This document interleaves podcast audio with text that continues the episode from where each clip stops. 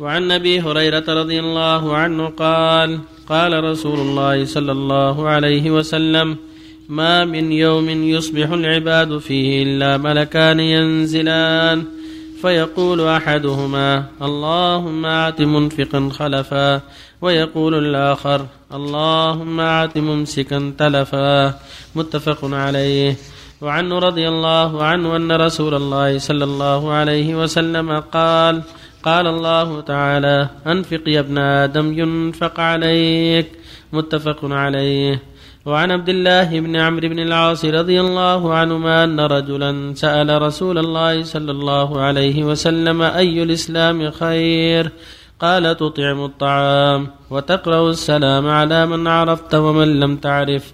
متفق عليه. وعن عبد الله بن عمرو بن العاص رضي الله عنهما قال قال رسول الله صلى الله عليه وسلم أربعون خصلة علىها منيحة العنز ما من عامل يعمل بخصلة منها رجاء ثوابها وتصديق موعودها إلا أدخله الله تعالى بها الجنة. رواه البخاري. الحمد لله وصلى الله وسلم على رسول الله. وعلى آله وأصحابه ومن اهتدى بهداه. أما بعد فهذه الأحاديث فيها الحث على النفقة والإحسان والجود والكرم. وأن ينبغي المؤمن إذا كان عنده سعة أن ينفق ويحسن.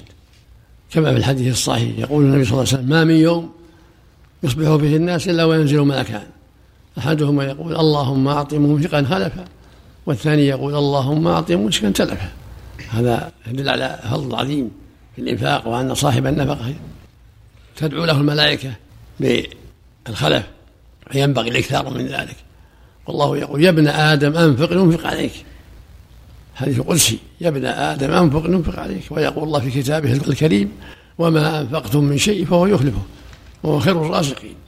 ويقول سبحانه آمنوا بالله ورسوله وأنفقوا مما جعلكم مستخلفين فيه. فالذين آمنوا منكم وأنفقوا لهم أجر كبير. ويقول صلى الله عليه وسلم أربعون خصلة أعلاها منيحة الأنس ما من عبد مسلم يلقى الله بشيء منها يستصدق ثوابها ورجاء موعودها إلا أدخله الله بها الجنة. هذا فيه الحث على أنواع الإحسان وأنواع الجود والكرم. كذلك يقول صلى الله عليه وسلم أي الإسلام أفضل؟ قال تطعم الطعام وتقرأ السلام على من عرفت ومن لم تعرف. هذه أفضل خصال الإسلام إطعام الطعام وإفشاء السلام. تقدم قول صلى الله عليه وسلم لا حسد إلا في اثنتين. رجل آتاه الله مالا فهو ينفقه آناء الليل وآناء النهار. ورجل آتاه الله الحكمة فهو يقضي بها ويعلمها.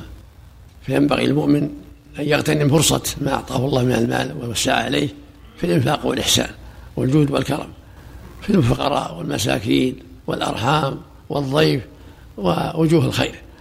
رزق الله الجميع التوفيق والهداية. الله عليكم وبارك فيكم ونفعنا بعلمكم كيف نجمع بين هذا الحديث أي الإسلام خير وحديث آه الذي فضل فيه النبي صلى الله عليه وسلم الصلاة الإيمان ثم الصلاة والجهاد وبر الوالدين إلى آخره؟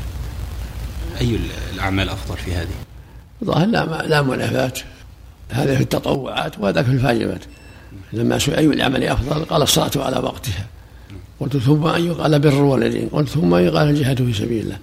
في حديث ابن ذر لما سئل أي الإسلام قال إيمان بالله وجهاد في سبيله. فالألفاظ متنوعة نعم. فلا شك أن أفضلها الإيمان بالله والجهاد في سبيله. ومن الإيمان الصلاة الصلاة الخمس. هذه من الإيمان. وكذلك الجهاد من الإيمان. فهو داخل في قول إيمان بالله والجهاد في سبيله. والصلاة من أعظم خصال الإيمان. والعشق الرقاب من خصال الإيمان كذلك. وبذل السلام وإطعام الطعام من خصال الإيمان. وقد يكون واجب وقد يكون يختلف. قد يكون إطعام الطعام واجب عند الحاجة وقد يكون مستحبا. وإفشاء السلام البدعة فيه مستحبة وقال بعض أهل بوجوبه رد السلام واجب. كلها خير من باب التنويع من باب تنويع الأعمال. البداء بالسلام هل هي التحقيق فيها الوجوب أم الاستحباب؟ الله أعلم. لكن ظاهر الحديث ظاهر الأحاديث إنه ينبغي المؤمن ألا يبخل بالبدعة يبادر بالسلام. هذا هو السنة للمؤمن. يقول صلى الله عليه وسلم في حديث الصحيح حق المسلم على المسلم ست إذا لقيته فسلم عليه. ويقول البراء الله صلى بسبع ذكر منها إفشاء السلام. الإنسان يبادر يبادر سواء قلنا بالمستحب أو بالوجوب أما الرد فهو واجب. الله يجزاك الجنة ووالديك إذا رجل أعطى صاحبه شاة أو ناقة ينتفع بحلبها ثم يردها. هذه منيحة هذه منيحة. ثم هلكت عنده. فما حكمها يعني؟ إذا هلكت من ضمان صاحبها. إذا كان ما تعدى ولا فرط. إذا كان اللي عنده ما تعدى عليها ولا فرط. مثل الأمانات من ضمان صاحبها. ما عليه شيء اللي هي عنده. قوله أعطوا ممسكا تلف المقصود بالتلف يا شيخ يخشى يا من الله ينزع البركة من ماله ويتلف عليه بأنواع الأتلاف نسأل الله العافية. تطعيم الطعام. تطعيم الطعام يعني. يعني للضيف والفقير.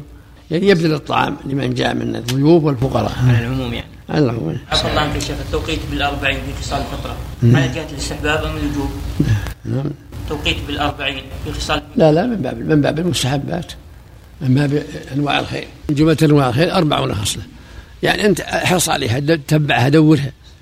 منها اعلاها منيحه العلم. أنت عاد احرص دور هالخصال الطيبة.